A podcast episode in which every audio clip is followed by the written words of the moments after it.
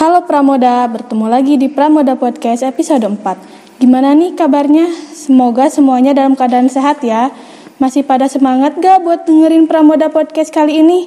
Perkenalkan, aku Sabilayu Pramusti sebagai host di Pramoda Podcast kali ini. Hari ini Pramoda Podcast kedatangan narasumber yang sangat menarik nih. Beliau merupakan tenaga pengajar di SMA Negeri 1 Batu Jajar. Pastinya udah pada agak sabar kan? Siapa lagi kalau bukan Bapak Gugum Gumilar. Halo, apa kabar Pak? Alhamdulillah dalam keadaan baik saat ini. Kira-kira ya. sekarang Bapak lagi sibuk apa nih? Saat ini mungkin kesibukannya adalah mempersiapkan untuk pembelajaran tahun ajaran baru dan juga di rumah sekarang ini ada kesibukan lain uh, sedang ada renovasi masjid itu aja. Okay. Nah, podcast kita kali ini kita bakal tanya-tanya ke Bapak seputar Idul Adha karena sebentar lagi kan kita bakal merayakan Idul Adha walaupun hmm. di tengah pandemi seperti ini. Iya. Nah, langsung aja ke pertanyaan pertama ya, Pak. Ya, boleh, Pertanyaannya silakan. apa sih, Pak, definisi dari Idul Adha itu seperti apa? Oke, okay. ya. Idul Adha diartikan sebagai hari raya ya, hari raya umat muslim yang kedua gitu ya, setelah Idul Fitri. Tapi di dalam uh, kebiasaan di Arab sana, Idul Adha ini merupakan uh, Id yang besar gitu ya. Jadi hari raya yang besar dibandingkan dengan Idul Fitri. Idul Adha itu sendiri merupakan dari kata udiyah. Udiyah itu yaitu hewan penyembelihan. Sehingga apa yang dimaksud dengan Idul Adha merupakan uh, hari raya di mana kaum muslimin uh, menyembelih hewan kurban sebagai bentuk rasa syukur kepada Allah Subhanahu wa taala.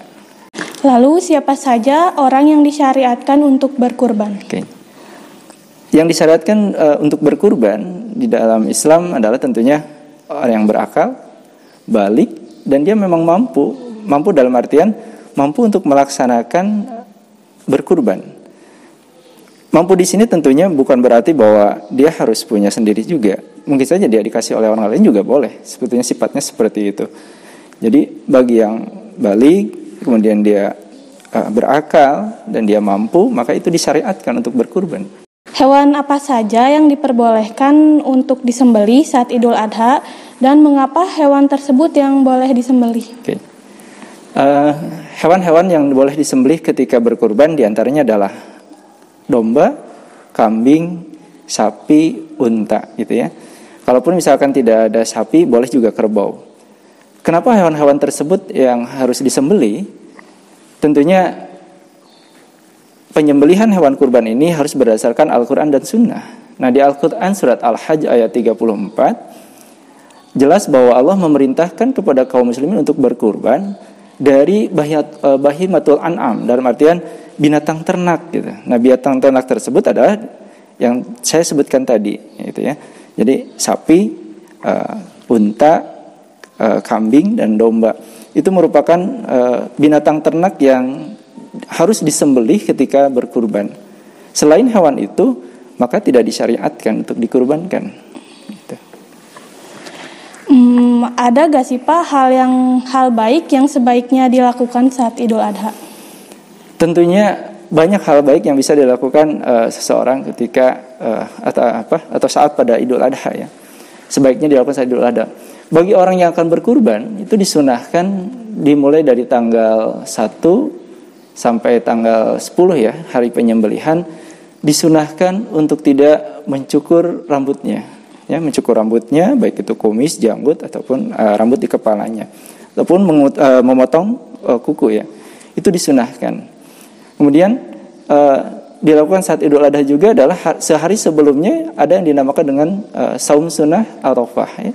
Nah itu dia disunahkan bagi kaum muslimin menjelang uh, Idul Adha untuk melakukan saum sunnah tersebut. Uh, hal yang lain yang memang sebaiknya dilakukan saat Idul Adha adalah tentunya kita disunahkan untuk sholat Id ya ketika sebelum penyembelihan.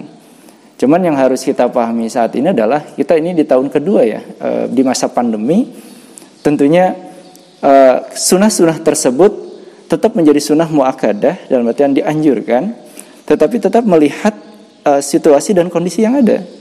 Jadi jangan sampai kita semangat untuk melakukan kebaikan, kemudian menelantarkan uh, kebaikan yang lain. Dalam artian misalkan kan saat pandemi ini kita tidak boleh berkerumun gitu ya. Kita harus misalkan uh, bermasker dan sebagainya. Nah, jangan sampai kebaikan yang begitu luar biasa uh, tapi uh, menghancurkan kebaikan yang lain. Ya, misalkan ya karena kita semangat, misalkan kita mengindahkan prokes kesehatan. Padahal saat ini kita tahu uh, saat ini kita sedang ada dalam masa PPKM ya.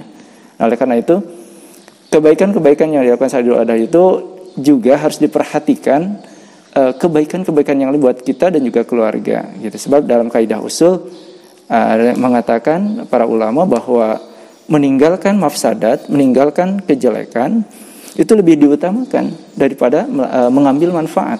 Itu aja.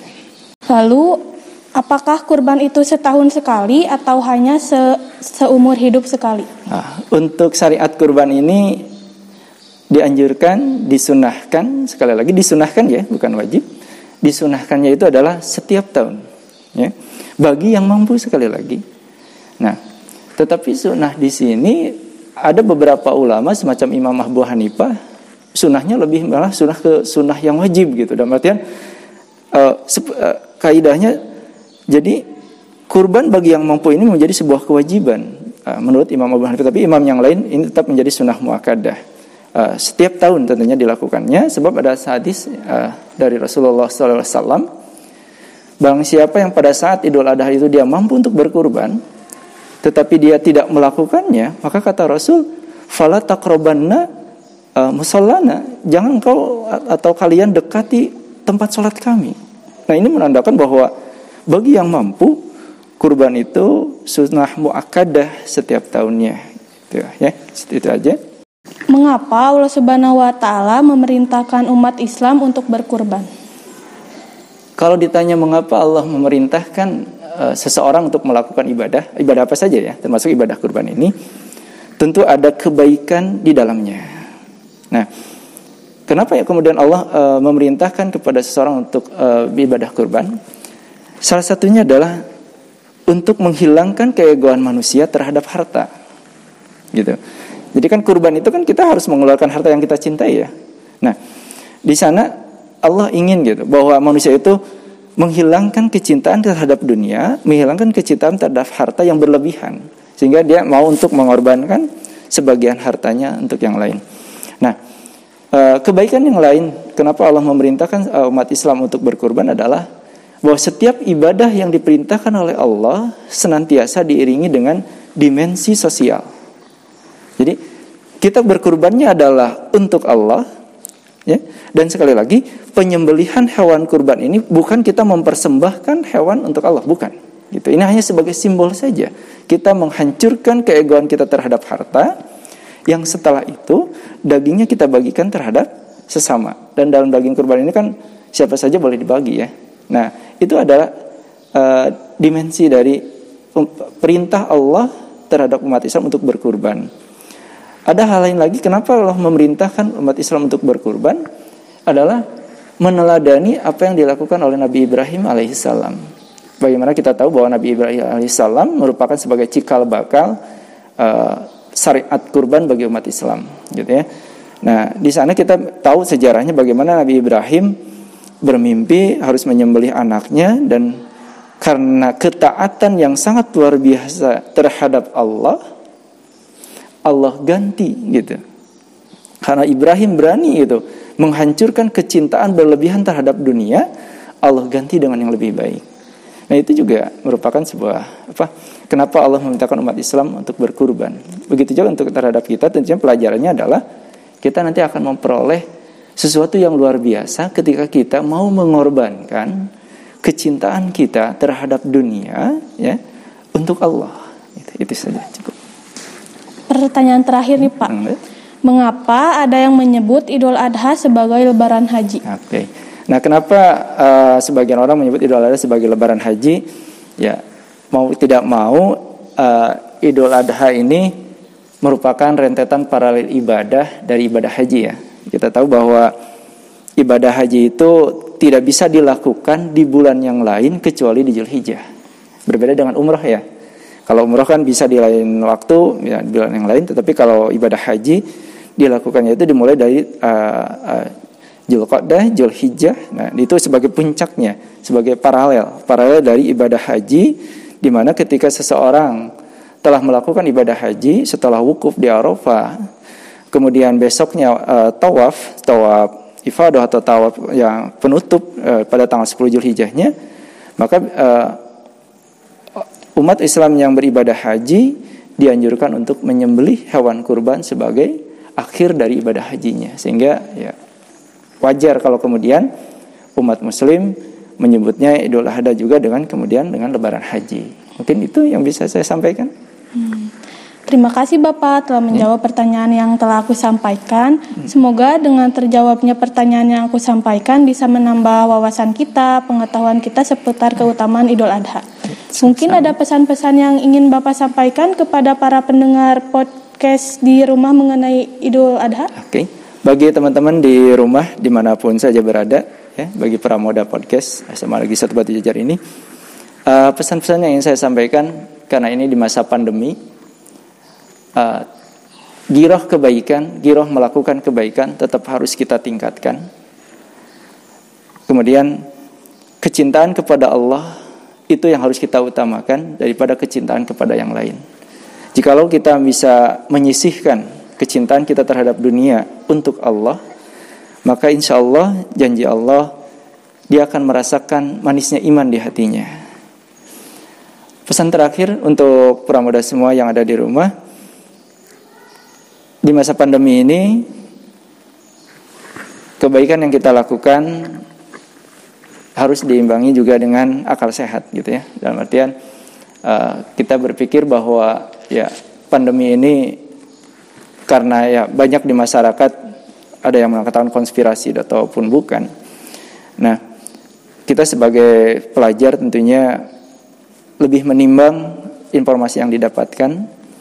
Dan saya berharap bahwa momen Idul Adha ini, momen Idul Kurban ini dijadikan sebagai momen kita untuk mendekatkan diri kepada Allah, untuk meminta pertolongan Allah, sehingga pandemi ini segera berlalu dari negeri kita dan kita bisa bersama-sama lagi berkumpul karena kita sebagai manusia uh, sosial dalam artian bahwa manusia itu makhluk sosial, zon politikon, kita tidak bisa lepas dari manusia yang lain dan sungguh asik kalau kita bisa seperti dulu itu ya, bersilaturahmi, bercengkrama tanpa ada batas, tanpa ada kecurigaan.